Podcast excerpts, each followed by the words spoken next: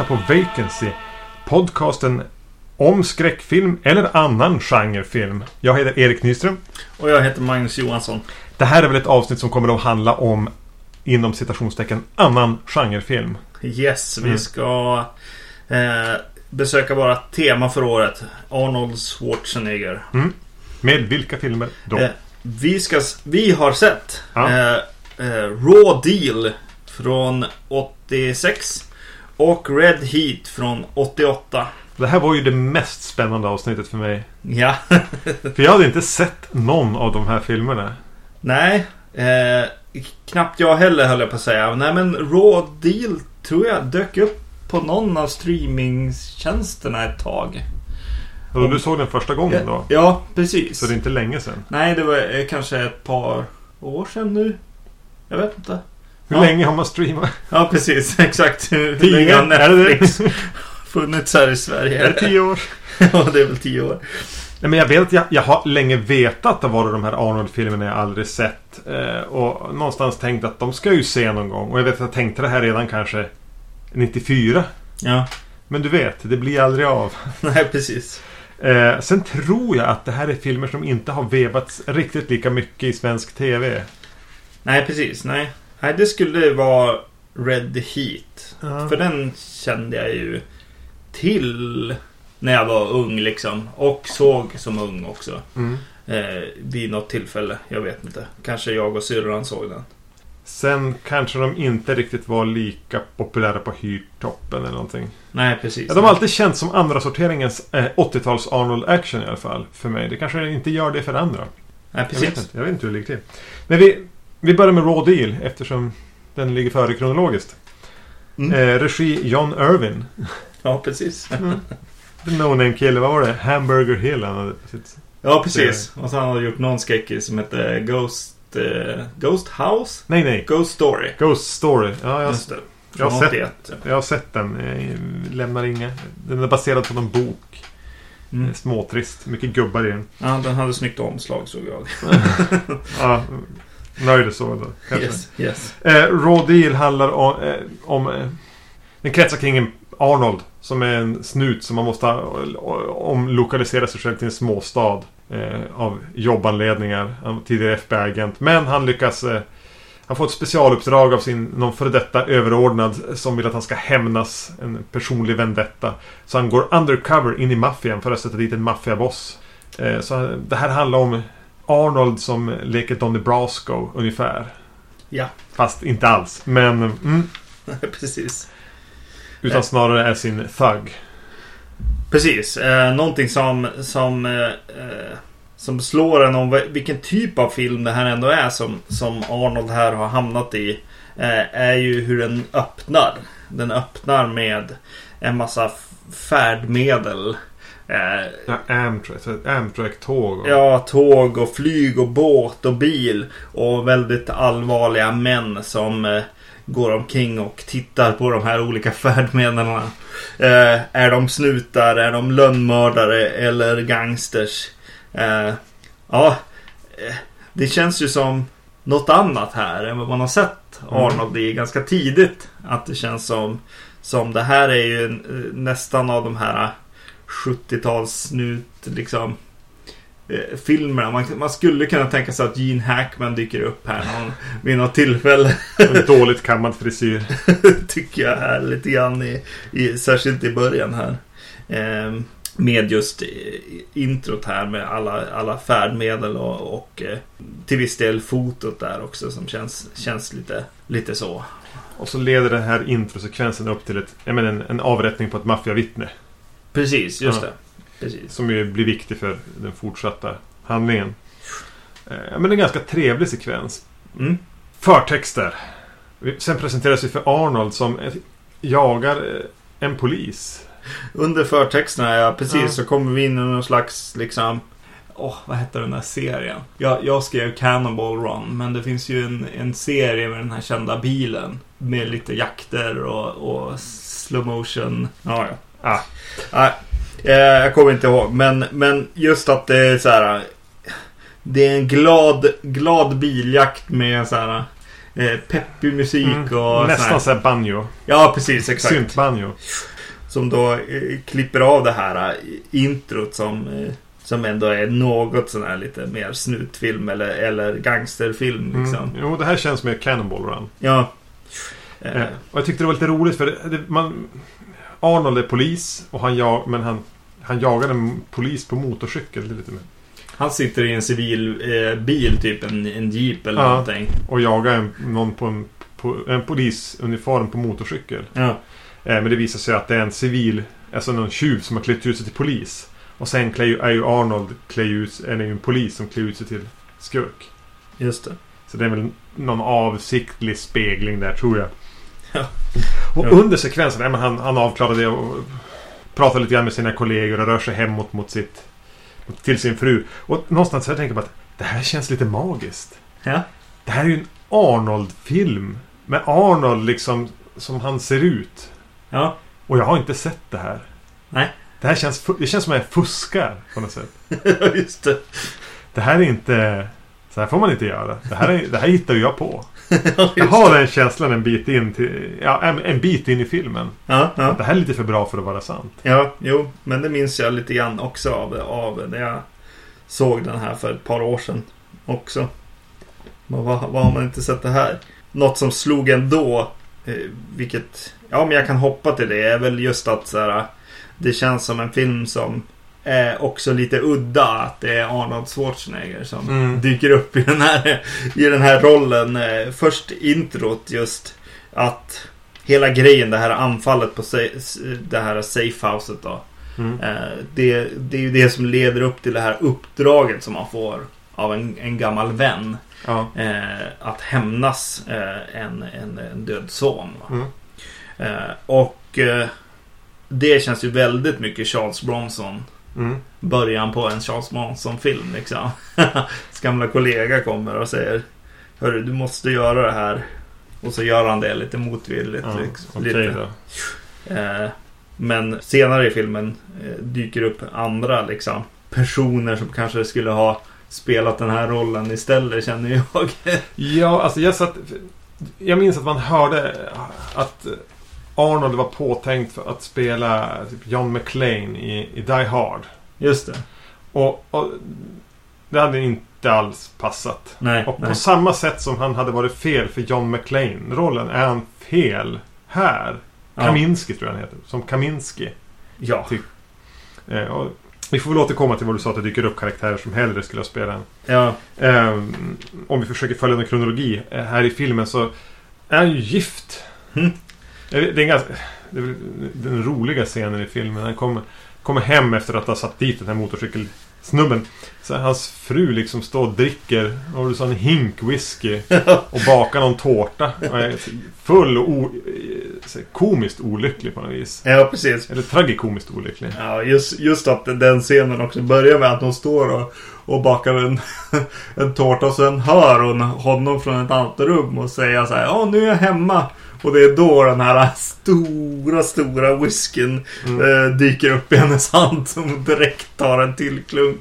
Eh, för, för att eh, försöka glömma att, att hon just hörde Ja. sin mans röst. Glöm att han finns. Ja.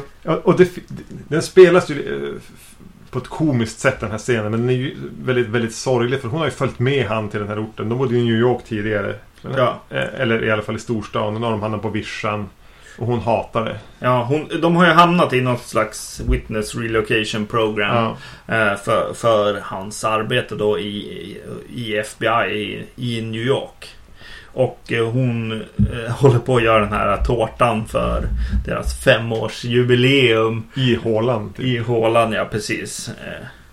Och ja, hon är ju verkligen inte, inte glad för det här. Och det är ju någonstans... Det hade...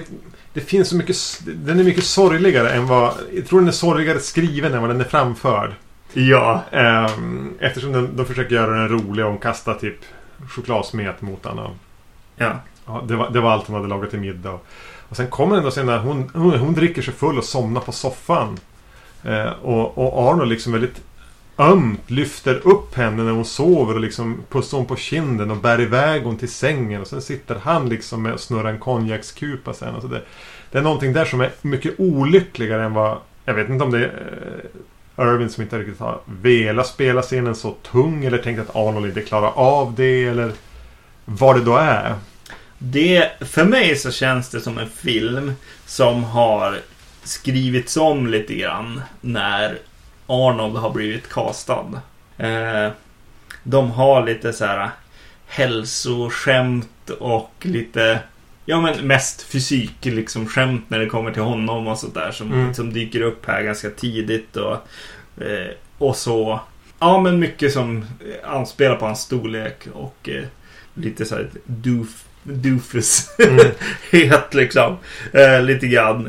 Medans det känns någonstans som att det fanns ett manus här som var tänkt till en Gene Hackman eller eh, jag vet inte vad. Robert Redford eller Ja, jag vet inte. en skådespelare kanske. Precis, för, för det som händer är ju att han ska ju försöka ta sig in i eh, undercover då i maffian. Mm. Han ska nästla sig in genom att ja, men visa sig vara någon som de behöver genom att bråka med en mindre maffia mafioso som är lite rivaliserande. Exakt, och då ringer man ju liksom Al Pacino eller Ray Liotta eller någon för att göra den här rollen. Men här så liksom ja, eh, färgar han inte ens till, till och med håret. Ja. Han kammar om sig i alla Han fall. kammar om håret i alla fall. Ja, Till och med så här backslick. ja, precis. Och tar på sig en, eh, en kostym också. Mm. Så här.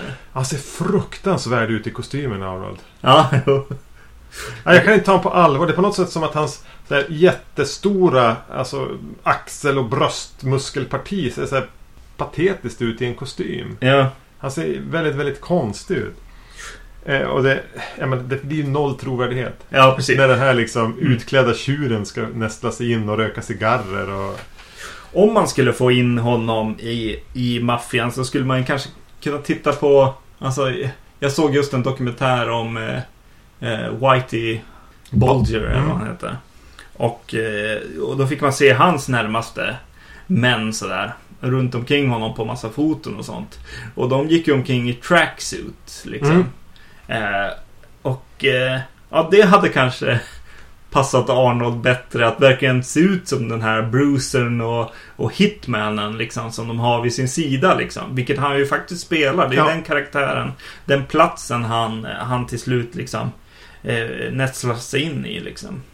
Så Gary Busey eh, som rollen han har i någon, någon film när han är alltså the lead thug. Ja, precis. För här ska han på något sätt konkurrera, alltså vara en lite eh, elegant och smart och driven skurk. Ja. Som inte alls fungerar. Nej. Ja, och särskilt inte så ska han försöka konkurrera ut den som redan har den positionen i den här maffiaorganisationen som spelas av Robert Davi. Ja. Ofta med i maffiafilmer. Eh, eller i Maniac Cop-uppföljarna tror jag är. Jag blev Just det. jättesugen på att se... Vi måste göra Maniac Cop-serien. Mm. Någon gång. Ehm, Så, så de hamnar på något vis i en konkurrenssituation där. Där de samarbetar väldigt mycket men de tycker inte om varandra. Och, och Robert Davi är ju mycket mer trovärdig som den smarta eh, liksom second in command mafioson. Ja, precis. Ja, Jag förstår att han blir irriterad när någon drar in liksom en lineback ja, ja med svåra hjärnskador i, i, som ska, det här, Du kan ju inte ersätta mig med han. Nej, exakt.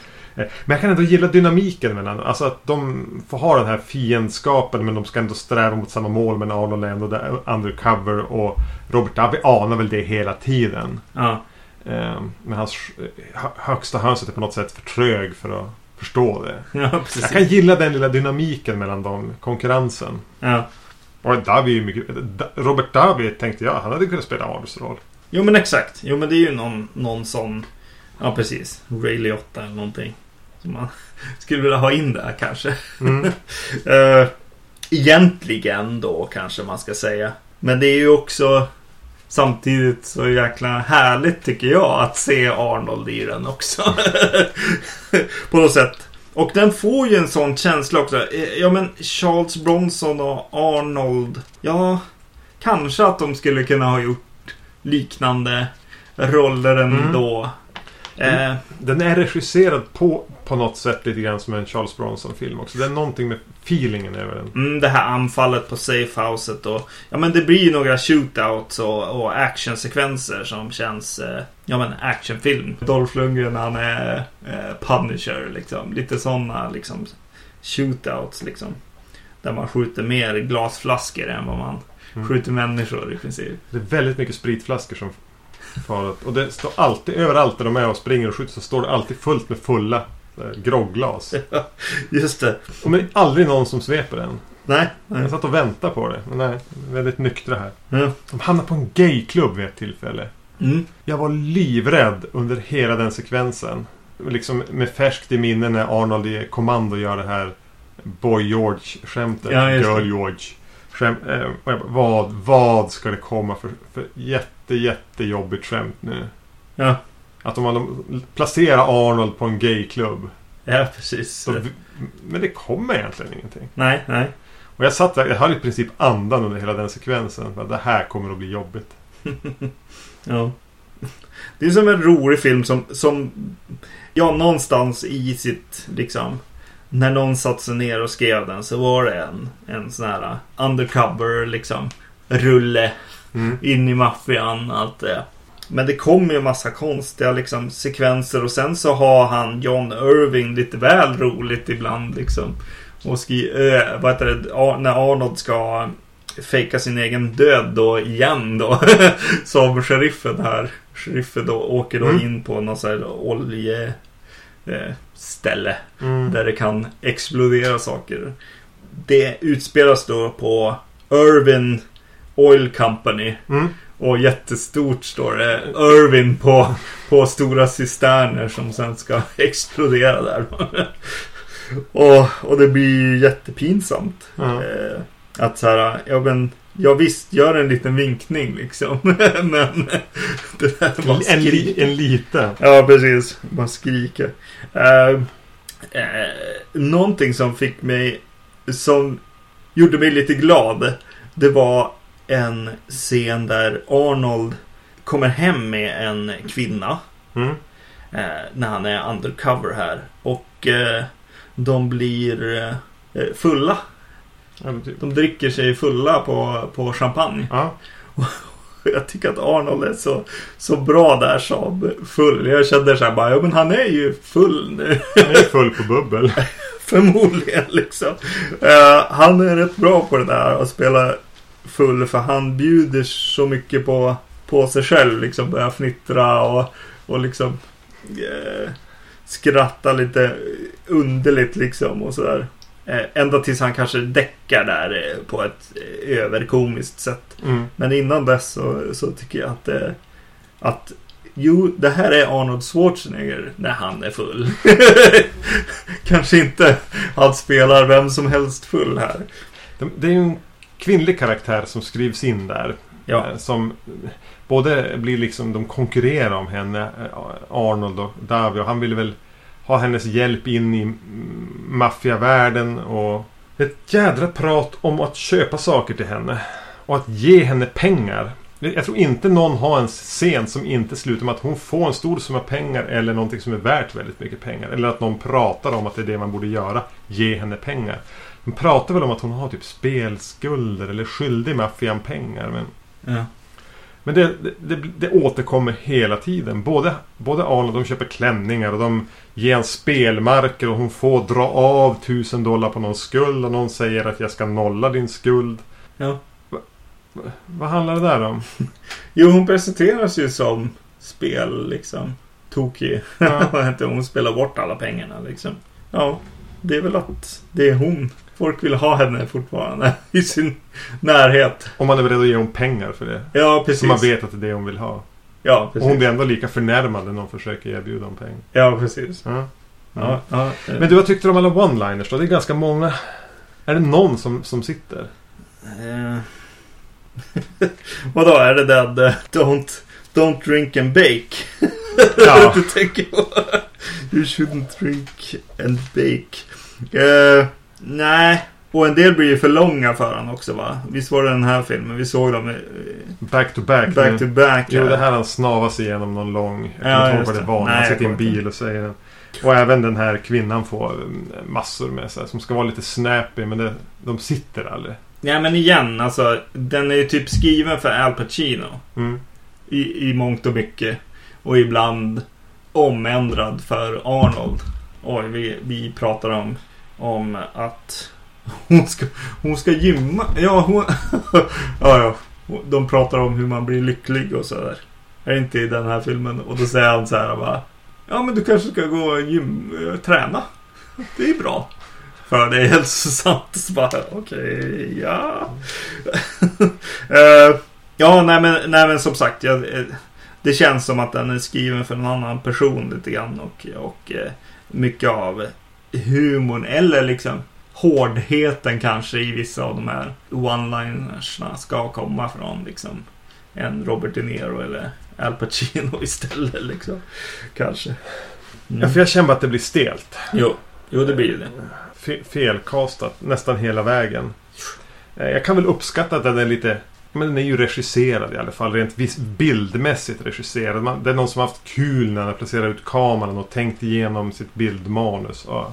Men även det känns lite mekaniskt. Ja, Eh, och jag, men sen får vi ju ett crescendo där han eh, slänger av sig kostymen och tar på sig lite med Arnold-kläder. ja, Och då slås man ju då. Han är ju bra i actionscener. jo, Han är ju riktigt bra. Alltså, det är så, gå genom ett rum, ställa sig platt mot en vägg, eh, byta magasin på, på, på något automatvapen, ja, eh, titta över axeln. Just eh, de bitarna gör ju Arnold bra. ja, Eh, på, på det här seriefigursmässiga sättet. jo, absolut. Jag tänker så här på den eh, shootouten, största shootouten de har där. Så här- Grustag eller bar. Eh, på en bar, Ja. tänker jag på. Eh, grustaget är ju såklart störst till ytan. Ja. men inte till antal skott. Eh, nej men eh, den i baren där och eh, när det liksom kommer in folk liksom eh, från alla håll och börjar skjuta och han, han som bara liksom, de missar honom helt Mm. enkelt. Och, och då, då blir jag sugen på att se liksom filmen med någon annan. Lite mindre eh, skådis eh, än, än honom. Eh, någon som liksom Åh, det kommer in någon, skjuter honom och så... Alltså, jag skulle vilja att han blev träffad till exempel. man hade velat ha lite John McClane Ja, precis. Sekvens där, ja. Precis. Där det är final showdown på något sätt. Och... Ja, man upplever ju aldrig att han är eh, i fara. Nej, nej. Det Från det att han sätter i den här Satisfaction-kassetten i bandspelaren på bilen i grustaget. Så, så, så vet man att nu, är, nu, nu kan ni bara kapitulera mafiosos. För, för han kommer in... Det kommer att gå bra. Precis, precis. I filmen också i mitten någonstans. Vilket slog mig lite. Den, den är ganska lång den här filmen. Men det känns som inte annat lång. Jag tror den är typ 1.45. Ja, något så, ja, precis. Ja. Okej, för liksom för den actionfilm som den är så Jag såg Heaven's Gate igår. Den, den här är kort. ja, ja. Så, så, så blir jag lite förvånad över att det helt plötsligt sker en heist. Ja! I en, Mm. i en ganska stor, stor eller ja, Som sekvens. Arnold egentligen inte har med att göra. Nej, nej precis. Han är ute och gör någonting annat. Då. Ja. Och det är så bra för att just när jag började tänka på det här bara. En heist som inte är så här he, hela filmens grej. Mm. Utan det sker en heist som är ganska... De, kom på den på en de kom på den på en kafferast egentligen. Ja, precis. Och ändå är den ganska avancerad. Jo, precis. Den är ganska avancerad ändå. Och då tänker jag så här bara, ja men en heist. Då tänker jag så här, jo men då har de ju valt... Ja men de har tagit en heist istället för en biljakt, tänkte jag så här.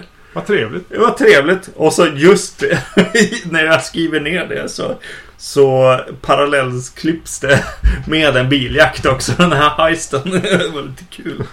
Tråkig biljakt. Ja, jo, jo, jo. Men den hade ju inslag av heist. Att ta in då. Eh, Men, eh, ja. En till. Du, du pratade om att den är regisserad och, och genomtänkt. Någon har gjort typ ett bildmanus Ja. eller i alla fall suttit och, och klurat och kommit på. De kommit på typ maffiascenarion eller scenarion. Eh, alltså typ scenografi som har lite grann med manuset att göra också. Jag gillar det liksom. en är mer, mer maffia-inriktad. Eh, och det är att de har ett möte på en golfbana. Mm. Och det har man ju i såna här, ja men gangster. Ja, om man är mafioso så har man ett möte på en golfbana. Ja, precis. Men eh, det häftiga i den här filmen är ju att det är dimma. Ja, det är jätte... En ganska snygg scen. Ja, jättetjock dimma på en golf, golfbana. Jag vet inte hur man spelar riktigt golf där i Du kan banan, du vet vart Ja. det är. Ja, precis. Eh, Men, men viktigast är ju att eh, ha sitt hemliga möte och ett hemligt möte både i dimma och där, där det inte finns folk runt omkring Mm. sig är ju, är ju väldigt bra då.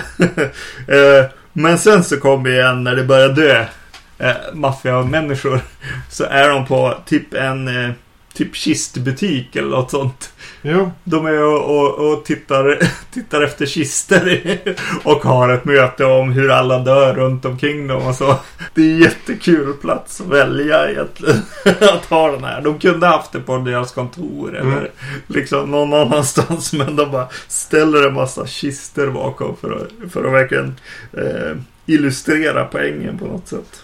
Det bara, det var roligt. Sen kan man ju tycka, ja alltså, som du säger Satisfaction-låten där. Det är en lite konstig shootout-låt liksom. När det Ja. verkligen bara, ja men nu tar vi in, nu bara kör vi. Ganska långsam mm. låt, men som alla känner till såklart. Så att det, den blir ju ganska skön ändå på något sätt. Ja, så faller ner i en kvarn där. Vi som reagerar på det, det var lite jobbigt. Det är här stenbrott med riktigt så här stor jävla stenkvarn. De slänger ner någon som blir skjuten. Den fokuserar ganska mycket på vad som händer med folk som blir skjutna i den här filmen. Det är mycket om hur de kanar ner för backar eller faller genom glasbord eller vad det där. Ja. Man faller ner i en sån med ett stort kvarn som går ner. Man får som att se en ligga där ganska länge. Bara, Aj, nej, nej, det här är inte bra. Så bara faller det som väl ner sten på Ja. stackars kroppen också. Alltså, ja. Jag vet inte hur mycket vi ska prata mer om den här filmen. Det känns som vi redan nästan har pratat mer, vad- mer om den än vad den förtjänar. ja, precis. Eh, jag tycker den är rolig som just den där arkeologin. Liksom, att gå och bara, jaha, Arnold gjorde den här filmen. Mm. Eh, och just, just eh, med tanke på liksom från filmskaparhåll liksom att så här, vart ska vi sätta han nu då? Liksom, han har aldrig haft liksom knappt kläder på sig innan den här filmen. Uh, han sa själv eh, tydligen stod det på IMDB att, att så här, Åh, det här är första filmen som jag har kläder på mig som har en budget över eh, uh, 10 dollar. Så, uh, som en detalj om den. Nej men det, ja, det är lite konstigt. De vet inte riktigt vart de ska ha han. Och, och det var ju verkligen så här bara, ja men ska han ens prata? Nej, han är dubbad. Och så sen kom han in och gjorde konan. Och då pratade han inte så mycket alls. Ja, och den här voiceover som han eventuellt skulle göra själv. Fast nej, det blev Arnold som blev castad. Så vi, vi sätter dit någon annan liksom. Och, och sådana grejer. Och så helt plötsligt dyker han upp i, i en sån här roll liksom. Ja, det är kul att se hans, liksom, på något sätt tidiga, liksom, Försök att prata. Ja, men vart, vart han är på väg liksom Ja. lite grann. Eh, och hur, hur filmindustrin eh, tar honom. Jag, jag undrar lite grann hur de kände inför att han blev castad här. Jag tror Egentligen. han var lite skeptisk. Han ville inte göra den själv heller riktigt. Nej, just att det var något kontrakt för att komma ur ett kontrakt. Ja, precis. Eh, och det blev ju inte jättebra. Nej, nej det blir det ju inte. Eh, någonting som slog mig i den filmen, som kanske tar oss till nästa film på ett sätt också. Det är att jag såg, såg flera eh, skyltar i bakgrunden som eh, såna här Fallout Shelter-skyltar. I flera av scenerna så var de på platser som också hade ett Fallout Shelter. Konstigt. Ja, det måste ha varit någonting liksom. Det, jag såg det inte. Det bara råkade så här. Ja, men de gick in på något hotell och så ovanför eh, hotellskylten stod det Fallout Shelter och så var de inne på någon plats och, och, och hade något samtal på polisstationen eller något sånt. Ja. Och då var det också på väggen liksom Fallout Shel- Shelter. Kalla kriget-skräcken. jo, men lite grann som bara visar sig liksom på något sätt för att de är on location liksom. Jag vet inte om jag har tänkt på det överhuvudtaget. Särskilt i en film som inte behandlar det. Utan här fick man bara se det liksom. Det tyckte jag var lite spännande. Ja, och som sagt, då kommer vi kanske till Red Heat från 88. Mm. Och den är ju regisserad av Walter Hill. Ja, precis. Ja, jag vet ju det, men jag glömmer det hela tiden. Ja, exakt. Eh, och jag har säkert sett det flera gånger inför att jag vet att vi ska spela in det här avsnittet och vara inne och kika på filmen. Mm.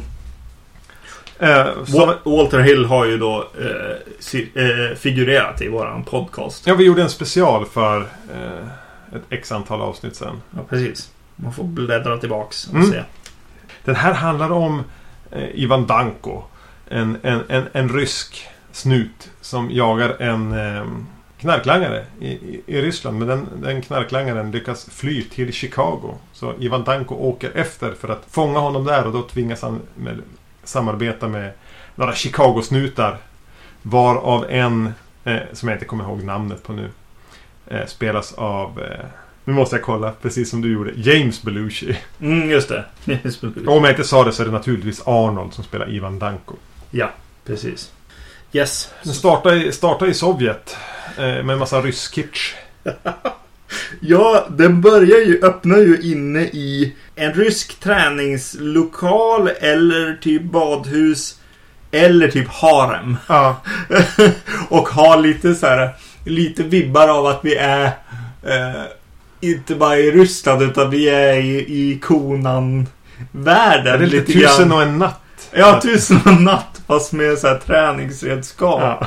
Lite grann. Och så, är det Jättebiffiga. och så är det några kvinnor som, som är i någon pool vid någon eh, fontän så här. Och, Det verkar vara varmt där inne. Liksom så här Ja. ångande. Lite bastukänsla. Ja. Vad är det här för ställe?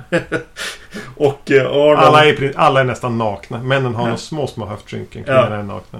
och, och Arnold har ringt alla sina kompisar. Mm, Nej. Gymkompisar. Ja, precis. För alla ser, ser, är ju bodybuilders. En del känner man igen från andra Arnold-filmer till och med. Eh, Som en som han slåss med till slut då. Just att den, att den här eh, sekvensen då slutar i en slagsmålsscen. Mm. Som liksom tar dem från den här eh, lite du- dunkla liksom, miljön, svettiga miljön, ut i, i snön Ja. genom ett fönster och ryker dem eh, och börjar slåss. Det blir väldigt underligt för att den så här lite konstiga eh, fantasy stillsamma musiken eh, ligger kvar i fight-sekvensen. så det är den musiken och, och mycket så här Foley eh, arbete med, med, med slag som uppenbart inte landar och sådär. Eh, Och jättekonstiga slagljud. Ja, ganska tjocka och dova. ja, precis.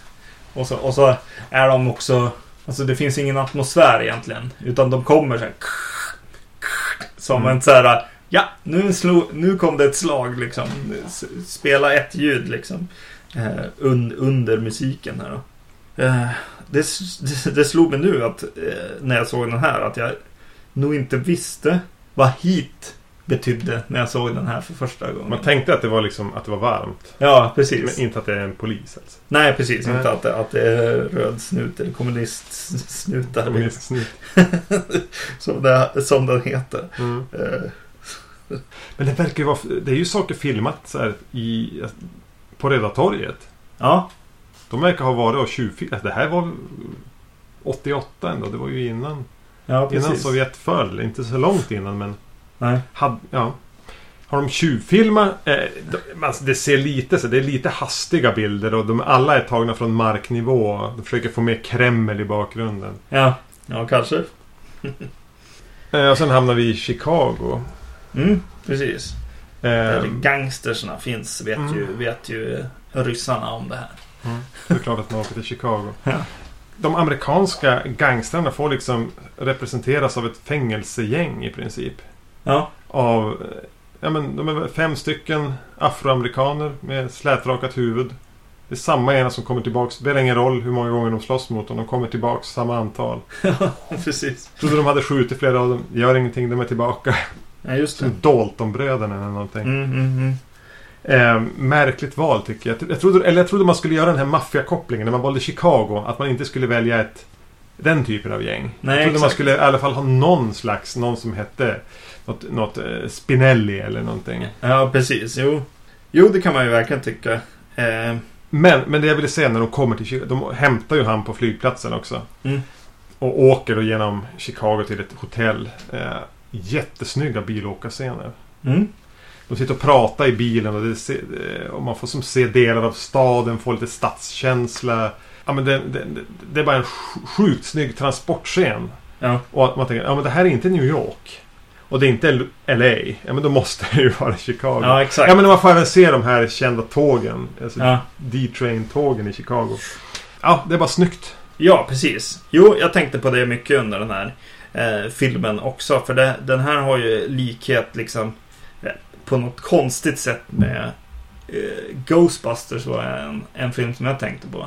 Jaha. I, I just det att det är någon slags actionrulle med en massa komiska liksom inslag helt Mm. enkelt. De ska, de ska snacka eh, fram och tillbaks mellan varandra. Det är Liksom. lite roligt gafflande. Ja, precis. Jag skulle kanske ha tagit någon body... Eh, Ja, Dödligt vapen hade varit... buddy cop eh, film kanske. Om jag var lite närmare dem. Du har inte heller varit någon större fan av Dödligt vapen eller ja, vad de då hette. De Eh, vad, jag har inte sett de här 48 Du har inte ens sett? Det har Walter Hill också. Ja, de, de filmerna har jag inte sett. Jag har sett första. Ja. Det har aldrig varit några filmer som har betytt någonting för mig. Nej, eh, så det är kanske därför. Men, men det, det då Ghostbusters har tillsammans med den här då, om jag, om jag tar den då. Det är ju att det är en film. Den Mm. är fotad och liksom det, det är någon som har varit eh, kameraman, eller inte kameraman utan fotograf till den här filmen. Liksom. Mm. Det är inte bara eh, peka och eh, vara roliga direkt. Utan Nej, det finns de här. Staden får vara med. Ja. Alltså det är mycket gatuscener och, och skyltar i bakgrunden och hus och de här tågen och bilar som kör och folk i telefonkiosker med... Den andas lite grann atmosfär. Så den, Ja. är, den är jättesnyggt fotad. Eller i alla fall stadsscenerna. När de är ute på gatan och rör sig. När de är i bilar och åker. Ja, Det är skitsnyggt. jo, ja. Eh, precis. Hade du svårt att se? James Belushi gör en poäng av att, av att driva med, med Arnold när han svida om från den här röda armén-outfiten till typ en, sina civila kläder. Ja, Och att han ser så här, fel ut. ja, han pratar om det. Ja, kallar han för typ Gumby eller någonting. Ja. En referens som gick långt över mitt huvud. Ja. Men det är svårt att se vem som ser fel ut. Jag tycker James Belushi ser ju lika... De har ju exakt samma kläder Ja. på sig. Och han, han tycker bara, vadå, är du civil nu? Ja. Ja, i och för sig. Civil då och jag är snutklädd då, eller... Alltså, är det det han säger? Ja. eller, jag vet inte. Eh, ja, det blev lite underligt. Eh, tycker jag också. Särskilt när de har samma kläder på sig i princip.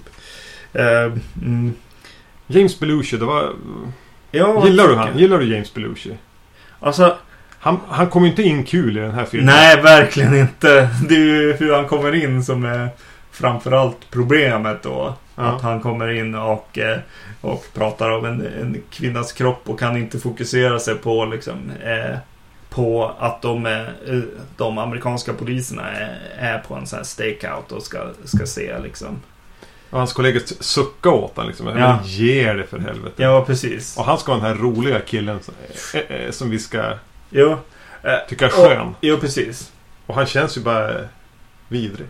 Alltså de är ju medvetna här också. Om, om bara alla satt och skojade i bilen. Mm. Då hade man kanske så här. Ja okej, signs of the time. Typ. Ja, och det här är deras jargong kanske i jobbet för att de inte har något annat Nej. att prata om. Men de, de, även, de, även de tycker att han är pinsam ja, liksom. de blir besvärade. Ja. Och, och det tycker jag också. Han, han drar ju något, något väldigt rasistiskt skämt också Ja, senare. om så här. basketlaget. ja precis. Ja. Han kommer ju in jättedåligt. Alltså, och det, det, det skadar ju hela... Alltså, det gör ju att jag får svårt att tycka om den här som ska vara det, den man ska tycka om. ja precis. Ja. Eh, han hämtar sig väl liksom genom filmen. Men klumpigt sätt att presentera en karaktär. Mm. Eh, och sen är liksom James Belushi för mig nu... har- Jims värld som han har varit med i. Ja, den just jävla det. sitcom som är typ vedervärdig. Ja. Det, det, det är min närmsta association till jo, det är ju så. Och det blir jobbigt liksom. Jag, jag ser bara hans... Jag menar, lite såhär Dan Aykroyd-vibbar fast, fast gubbigare. Ja. Han, han kommer in också. Jag tycker också att man märker i två eller tre eller, eller fler scener så, så vill han ha sista ordet och, och göra en liten rolig improvisation. Mm. Lite grann sådär om det som just har hänt liksom scenen så här. Eh, bland annat eh, en då där han eh, när det är någon, någon eh, ryss som säger någonting på ryska till honom och så får, får Arnold översätta och så säger han ja eh, "Ky- Kyss din mammas arsle eller sånt där har har han sagt. Mm.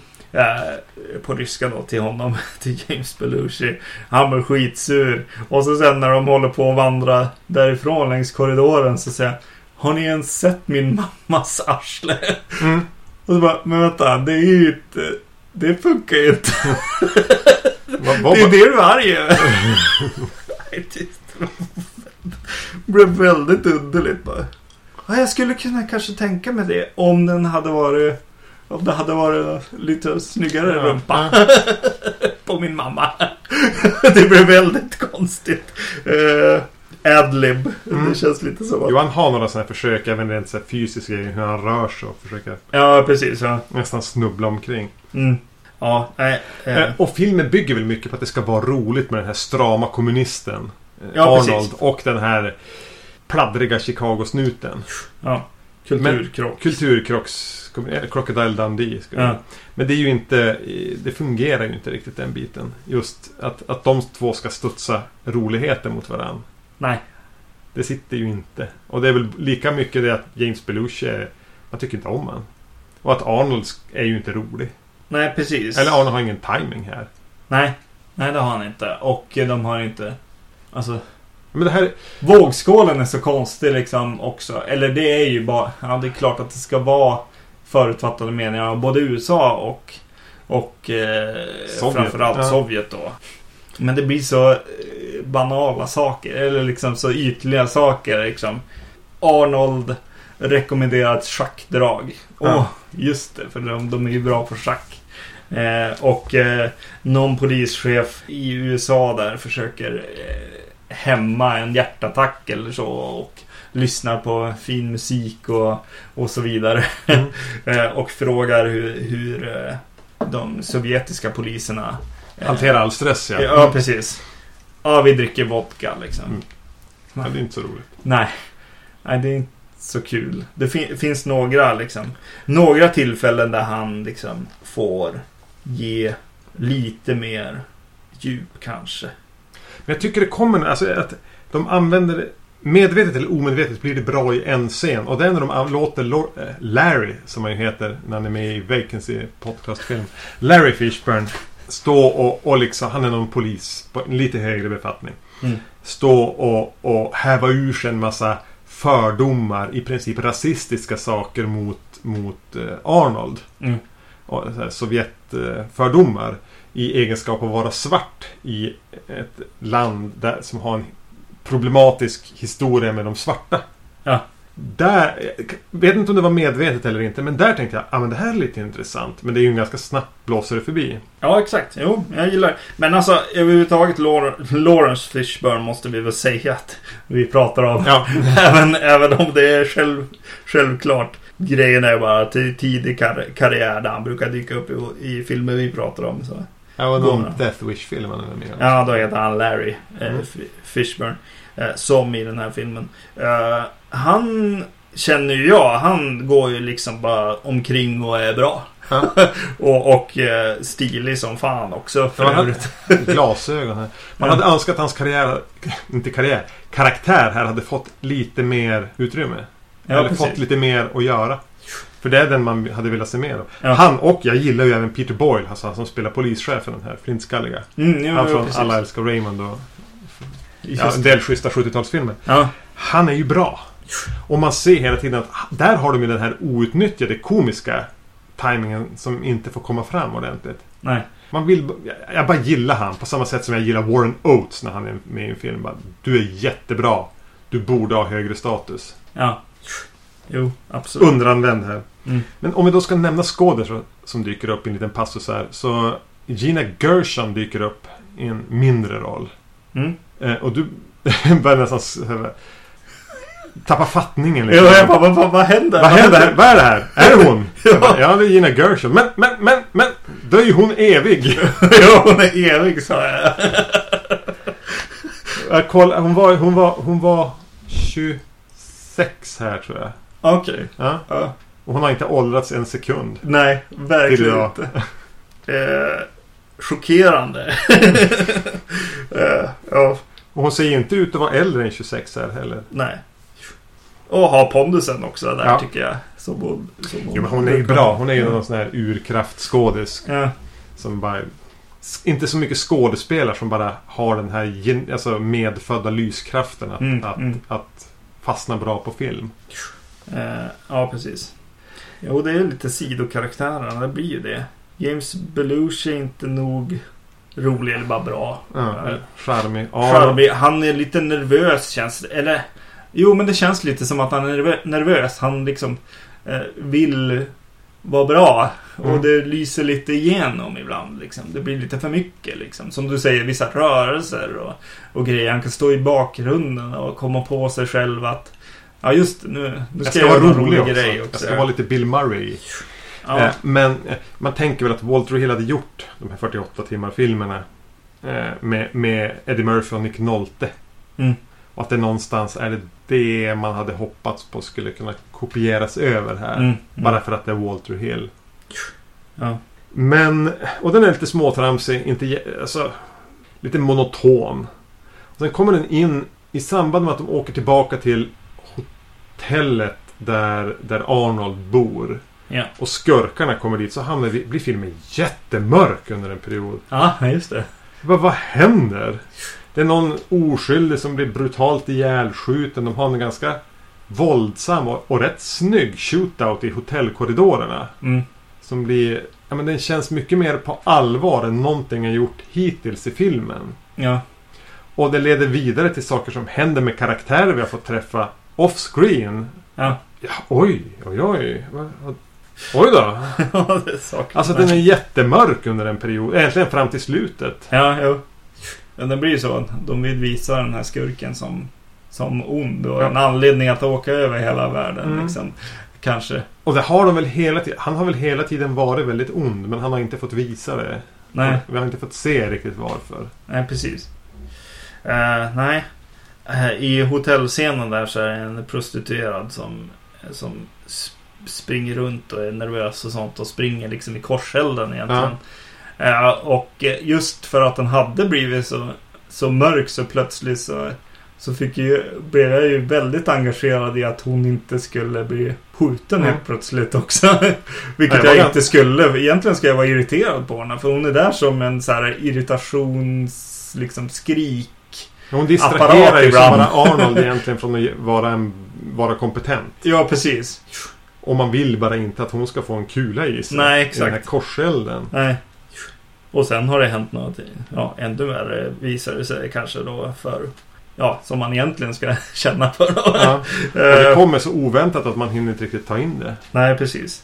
Ja, och det kanske blir då den blir bättre, kanske. Ja, för, för, jag, jag tyckte att där la den in någonting som gjorde att ja, men här ser vi ju, här finns det ju, här finns det ju bra, bra skit. Ja, ja, ja, precis. Eh, tyvärr är ju inte hela filmen där. Nej, nej. Nej, det är, eh, det är sant. Eh, en sak som irriterade mig tidigt, det var ju att eh, liksom grejen som alla vill åt.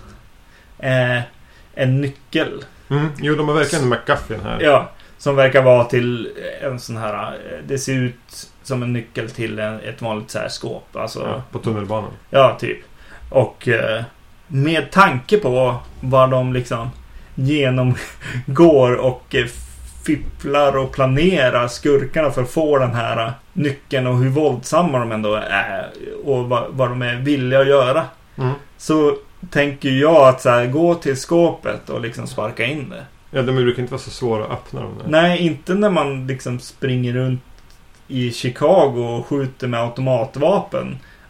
Ja, an- annars liksom. Gå och bara... Ta med en yxa och hugg upp det här. Ja, precis. Exakt. Det irriterade mig mycket. mycket Ja, det är en Ett svag, svag, svag McGuffin. Ja, jo. Det var det. Men jag håller väl ändå Red Heat som snäppet över Raw Deal. Ja. Framförallt för att den bitvis är sjukt snygg. Fo- sn- sjukt snyggt fotad. Ja. Och den har det här mörka våldsamma partiet som tar en lite på sängen. Eller det gjorde det med mig. Ja. Och där finns det också bra grejer. Några en del bra skådespelarinsatser. Tyvärr inte från de som hade behövt prestera på topp. Nej, precis. Nej, det dyker, dyker upp flera som jag känner så här. Ja, åh, där är ju den här eh, personen och så här. Mm. I, i de mindre rollerna också. Eh, det känns som att eh, Walter Hill ändå får med sig lite skådisar liksom. Och, och har lite känsla för vad som komma skall kanske också till och med. Men jo, absolut. Eh, Raw Deal är bara liksom intressant att se Arnold i en lite konstigare roll.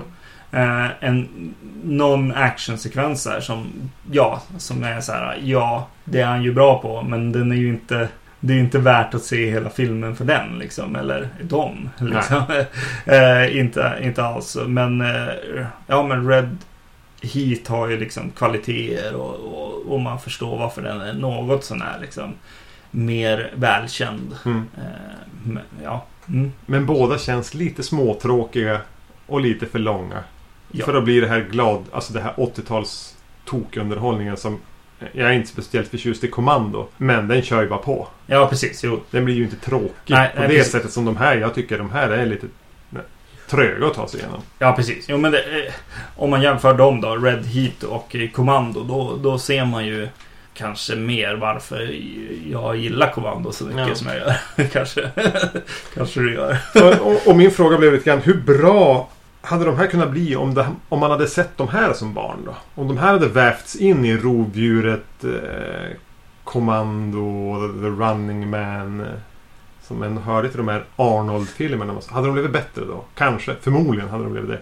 Eh, eller är det så att Kommando eller rovdjuret blir in, Att vi håller dem lite högre för att vi såg dem så mycket. Jag blev lite så här ifrågasättande av, av mitt sätt att se på de här filmerna nyktert.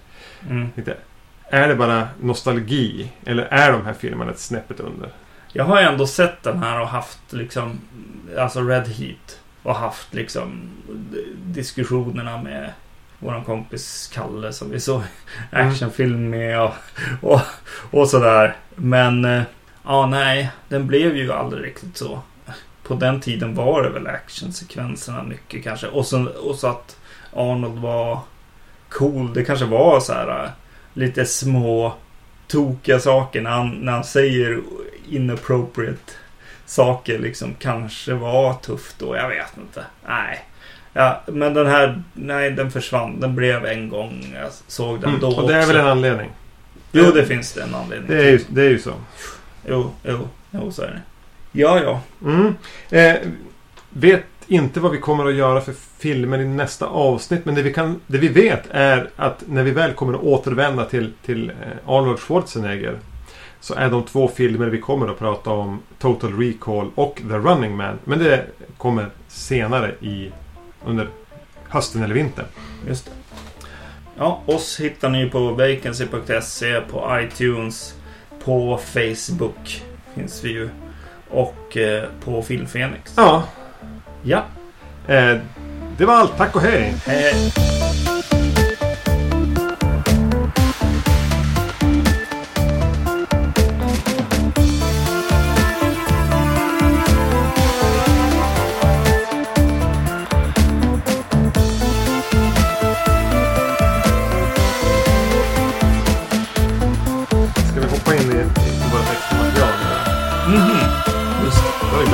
Ja, Mm. ja. det kan vi göra. Eh, jag vet inte. Är det här den sämsta idén vi någonsin har haft? Att ha ett ha en bonus track. Ja, det kan det väl vara. Vi, vi, vi, vi är kvar. Yes. Eller tillbaka. Eller någonting. Vi tänkte även prata lite grann om Maggie. eh, Arnold-filmen från 2015. Där han spelar eh, en svårmodig pappa vars tonårsdotter har blivit biten av en zombie i en postapokalyptisk framtid där, med en zombieinfektion. Eller den är ju inte jätte, jättepostapokalyptisk. Nej, nej precis. Utan de, eh, det här är ju en, en zombiefilm som där samhället har hållit ihop än så länge i alla fall. Ja, de verkar, verkar kunna klara det här. Precis. I, I och med att de tar eh, zombiesarna till karantän. Mm. Innan det blir för hemskt liksom. Och eh, transformationen tar längre tid. än- Typ uppåt två, må- sex, åtta veckor de Mm. tror jag försökte plocka ihop det här till. Just Så att man kan ha sin, sin bitna hustru eller sitt bitna barn eller bror eller bästa vän hemma ett tag och umgås med dem. Och de är, det tar ett tag innan de börjar bete sig konstigt. Då ska man ringa Ja. polisen eller vilka det är när man ringer. Den är regisserad av Henry Hobson, debut. Ja, Eh, den är skriven av någon som heter John Scott 3. Och inte så att säga tre ettor utan en tre. ja, Det här var tydligen en ma- manusvinnar tävlingsmanus som var på den här Blacklist. Så här pop, o, bästa ofilmade manus och grejer. ja okej. Eh, det som hände när den skulle komma ut var att eh, den svenska distributören Som vi inte ska nämna vid namn. Nej, hörde av sig till mig och frågade lite grann om så här. Ja men du gör ju dataspel. Eh, och jag ser på creditslistan att, att den här regissören har eh, mycket dataspels credits. Är det så? Ja, Ja, det här är ju spännande. Här får... Mm. ja. Så den här regissören har eh, jobbat på ga- ganska många spel på cutscenes. Eh, Är det så? ja, ja det är Du så. skojar nu? Nej, det är sant. För jag tänkte hela tiden bara Fan vad det här ser ut som ett datorspel. Ja, ja. Åh, får jag gissa? Vad hette det här? Det här som... Jag har inte spelat det, men jag tänkte på det. Det är med Ellen Page. Ja, just det. Nej, han har inte jobbat på de spelen. Nej.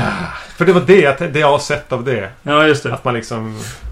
Nej, eh, och... Eh, Ja. ja, precis. Och det, det tar en ju liksom igenom den här filmen. Precis som du säger. Så bara, men- vad är det som är konstigt i berättandet här? Är det att scenerna måste liksom, liksom komma mellan gameplay på något sätt? Så det måste komma fram ganska tydligt, ganska snabbt. Och överlag så känns det ju också som att eh, dataspel, alltså det är inte så mycket att berätta ofta. Nej. Och framförallt så är det ganska lite historia. Eller säg en films historia ungefär. Mm. eh, Utspätt på liksom Åtta timmar. åtta timmar. Och det är ju precis vad den här filmen är. Det är ju de här 10 till kanske 20 minuterna i en zombiefilm där man är eh, ledsen för att ens bästa vän eller, eller eh, älskare eller, eller dotter har blivit biten av en zombie och jag måste göra någonting åt det men jag kan ju inte heller. Eh, och ska jag liksom kedja fast Mm. den eller vad ska vi göra liksom? Eh, ut, utdraget liksom till då en och en halv. Den är ganska kort. Ja, 90 minuter. Ja. Eh, för det jag tänkte på var det rent under inledningen, det visuella. Alltså när man får se det här lite, lite, lite. Det är som att det är lite, lite sjaskigare. Alltså att samhället har ju fått sig en ordentlig törn åtminstone. ja, definitivt. Eh, men det är ju inte ens på väg att, gå, och falla. Nej, men särskilt i städerna så verkar det Och man får se så. inne i städerna så här bild när de tittar ner för en gränd. Och jag bara, det där såg ut som att jag skulle kunna säga examine. Ja, när, när får jag börja spela det? Ja. Ja, jo, jo Eh, absolut. så det slog framförallt från början till vad är det för fult dataspel jag tittar på? Ja, Och den har väl sin visuella stil som man kanske kommer in i med att den är ganska utfrätt blek. Och, ja, precis. Den här har ju en sjuklig look liksom som de har tänkt. Och, och den är ju jättelåg och budget. det är jätte, jättelätt att ta sig dit också via dataspelet Ja. tycker jag också. Att så bara, Åh, det här spelet handlar om sjukdom i, i liksom. Och så bara, ja men då gör vi det i de här färgschemana. Och, alltså, ja. Ja, Det är du, för, för enkelt. ja, du tänker lite lättare då till på... Jag tänkte på dataspel till en början men sen tänkte jag på en så här... eh, Att den här regissören är 19 år gammal. Exakt. Ja. Och det är ju... Det, oj. Ja, just det. Här sitter jag och skjuter mitt eh, yrke lite. Men eh, ja, det blir väldigt mycket Ja, men, så. det är så här... Jag kan ja, säga det istället. Alltså det filmiska berättandet i spel Ja. är ju på en gymnasial nivå. Ja. Visst var det det du tänkte säga? ja, det var det jag hade tänkt säga. Exakt. Det är ju på ett, eller på ett ja, men väldigt, en, en väldigt, väldigt, väldigt ung vuxens nivå. För det ska, det, får, det ska inte bli... Det får inte ha för höga ambitioner för det är inte det som är syftet. Nej. Nej, precis. Och, och liksom det föds från, från andra spel och populär. Alltså, nu. Nu, Mm. nu, nu, nu, nu hela tiden liksom. Och, och, och landar aldrig i någon slags histo- historik liksom, känns det som. Men som kortfilm betraktat då. Man tänker att det här är en kortfilm som man har kavlat ut. Ehm, jag ska försöka vara lite positiv nu. Del, eller, till att börja med ska jag säga, de kanske hade behövt göra något annat än att vara i det här på det här huset hela tiden. Jag, när jag såg trailer och sånt. Jag, jag fick för mig att det var en road movie. jag trodde det var en road movie. Jag tror det är omslaget att Arnold sitter i en bil. Eller någon, nå- i någon, någon poster eller någonting så sitter han i en bil. Jag trodde att de skulle köra iväg. Ja. Ja, jag var helt säker men det kommer aldrig. De är, Nej. de är på den jävla ranchen hela tiden. Eller, ra, han är någon slags bonde men han gör väldigt lite bondgöra. De får inte göra bondgöra. Det var någonting med bond... De brände saker. Ja, de fick bränna grödorna och grejerna Ja. för det var därifrån det spreds. Ja, så han typ lagar staket Ja. Hela dagarna. eh, men jag ska plocka fram det jag ändå tycker, tycker, tycker det är bra med den. Och sen ska jag återkomma till lite dåliga saker igen. Ja. Jag tycker att, att den lyckas i... den lyckas fånga mot, mot slutet också lite grann den här dödsångesten som finns hos... För det dyker upp andra som har blivit bitna också. Eh, att, att, och, som också är ganska unga. Mm. Det här att Nej men ta inte iväg mig till karantänen nu eller jag vill inte det för jag vet att det här, det här är slutet för mig. Jag vill inte det här. Jag får panik. Ja. Ta inte iväg. Den, den har några sådana aspekter som jag tycker jo, men jag, jag, jag blir lite tagen av dödsångesten eller att de under en stor del av vad det, ja men jag är så med på det här, jag vet vad som kommer hända med mig och har accepterat det. Men när det väl börjar brännas så bara får, får, drabbas man av fullständig panik.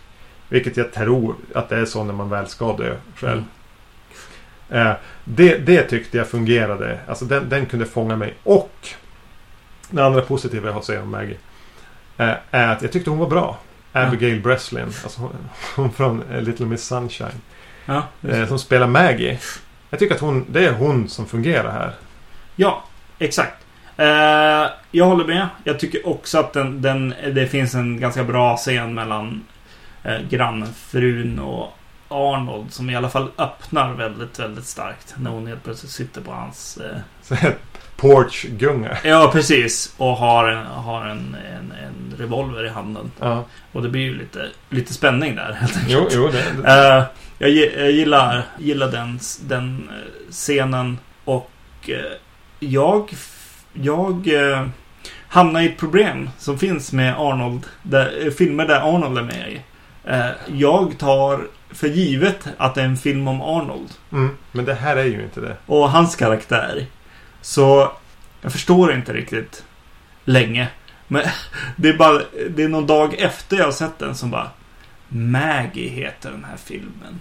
Vad säger det med? Vad säger det mig? Den heter inte Wade. Som Nej. hans karaktär heter. Den heter Maggie. Alltså, ja, just det. Och, och hon, hon interagerar med andra gamla kompisar och grejer och sånt där. Ja, det är en film om henne. Den scenen när hon åker iväg med sin komp Den hade också potential men jag tycker inte den når dit. Lite grann på grund av att ja, men han som spelar den här Trent är inte bra. Och det är Nej. några, eh, och är några andra. där. Den scenen när de liksom har en... Det blir lite så här sista kvällen med gänget-känslan. Mm. Den hade kunnat bli jättefin. Ja, men, men- den schabblas bort. Ja, men det vi säger är väl kanske till och med att det där manuset låg och var poppis Ja. någonstans. Kanske eh, berättigat. Men det är någon som inte riktigt har fattat vad de ska... hur de Nej, ska precis. det. Exakt. Och casting också kanske. Att så här, och, och lite så här överfokus på, på pappans Mm. eh, roll. För det finns ju någonting intressant i dynamiken med, med mamman i familjen är ju inte mamma till Maggie utan hon är ju styvmamma och det Ja. finns några yngre syskon. Men vi måste ju då prata om Arnold som ju ändå har fått i vissa kretsar så här, beröm för den här prestationen. Ja. Och jag tycker att, att de hade ju kunnat sätta på den där skjortan och det där skägget på en stubbe. Ja. För, ja men visst, man, man blir jättetrygg Ja. av att se han. Man vill verkligen bara liksom gråta i hans famn eller se han hugga ved och sånt där. Ja. För det första är han alldeles för gammal. Mm. Det är han. Alltså han är ju inte hennes pappa, han är ju hennes farfar. Just det. Eh, det, det störde mig. Men så fort han ska säga någonting. Så ser man, du är ju så jävla dålig. Du kunde ta dig igenom 80 och 90-talet på att du hade någon slags muskulös utstrålning och charm. Så att man hade överseende med replikleveransen. Men här, så fort han öppnar munnen så...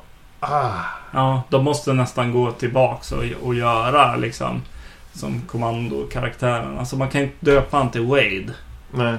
Eh, man måste liksom, han måste liksom laga någon maträtt från sitt gamla land liksom. Eller Ja. som, som hans mamma lagade till honom. eller Tibor någonting. eller någonting borde han heta. Ja. ja, precis. Något sånt liksom. Kanske då. För att rädda upp lite grann. Han... Ja, det är klart att... Ja, någon annan skulle ha varit där. Mm. Och som sagt, det skulle ha varit mer då tydligt. Alltså, jag tycker det är konstigt. Slutet. Jag blir, jag blir ju förvånad att slutet inte får handla om honom. Det är konstigt för mig när jag ser den filmen. Eh, för att de fokuserar lite för många gånger på, på honom. Mm. Han är och pratar med läkare. Han är och liksom gör saker och hennes vägnar lite grann. Låt kanske henne ta, ta några scener ifrån honom liksom. Mm. Så kanske det hade Just. funkat bättre. Liksom. Ja, för hon är ju så pass mycket bättre.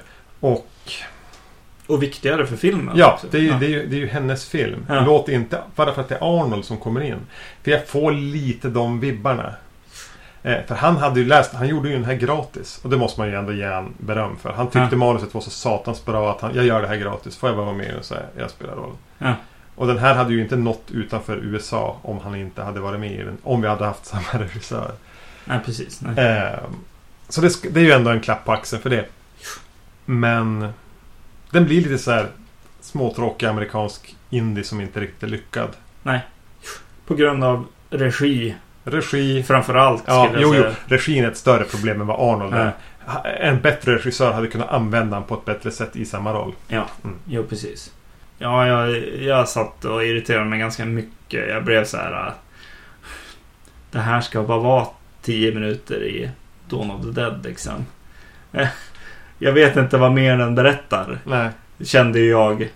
Och så bara, ja men det finns ju mer att berätta. I, även i den här historien liksom. Som du säger. I relation med andra eh, ungdomar Mm. och, eh, och så. Eh, Men sen så kommer liksom Jaha men Arnold och hans fru Tycker de om varandra? Har de Mm. någonsin varit attraherade? Alltså har haft någon kemi överhuvudtaget? Eller, eller är de dö, var de dödfödda liksom som förhållande redan från början? Var det där bara någon, där? två ensamma människor som råkar hamna på samma ställe? Ja, precis. För de är så distanserade från varandra. Det finns ingen liksom kemi eller historia där mellan dem i de scener de Mm. måste vara med varandra. Liksom. Hon är inte så bra. Hon är inte bra heller. Nej. Nej. Hon känns lite övergiven också. Jo, jo, precis. För hon har ju också intressanta. Alltså, Det hon- finns ju en story där med Ja, Bryr hon sig inte lika mycket om Maggie för det är inte hennes dotter. Och nu när hon har blivit biten och utgör ett hot för de här två andra barnen, yngre barnen som finns. Det finns en dynamik som är helt outforskad. ja, precis. Exakt. Mm. Man kanske skulle läsa manuset. Ja, precis. Just det. Eh, Ja. nej, så den är inte jättebra. Ja, jag tror att du tyckte sämre om den än vad jag gjorde. Jag kom in i Ja. den efter ett tag och, och Ja, kunde leva med i den här dödsångesten. Nej, Jag blev sur och ledsen och, och tänkte mycket på eh, sp- spelindustrin och sådär också. Att, så här, va, varför berättar vi historier särskilt i cutscenes? Liksom? Kan vi berätta genom gameplay? Kan vi Mm. liksom Kan vi vara det bättre Alltså det framtidsmediet är också i berättande som vi borde vara istället för att bara titta på en massa film liksom som Se- kommer så här massa ja men Dålig Marvel-film. film. Ja, dålig film som kommer just nu från Hollywood. Och försöka apa efter det. Men jag, jag, jag är Ja, ingen gamer, nej. men jag har ju alltid hatat cutscenes. Ja, ja och Spela spelet, berätta inte en historia. nej precis. Ja. Ett exempel, Super Metroid. Mm. Att så här, komma till en bara helt övergiven plats och få upptäcka den liksom. Vart är jag någonstans? Vad händer här? Vad är det som pågår? Och man... Allt man gör är att knyta ihop liksom den här historien som du själv på ett sätt bygger då. Mm. Fast som är en designad upplevelse liksom. Det är väl det det, Det är handlar om. mycket, ja, det är mycket starkare än den här filmen. till exempel. Ja. Nog om det kanske. Vi, ko- vi kommer inte längre med Maggie. Nej. Ingen av oss gillar den direkt. Eh, Jag lite mer än dig.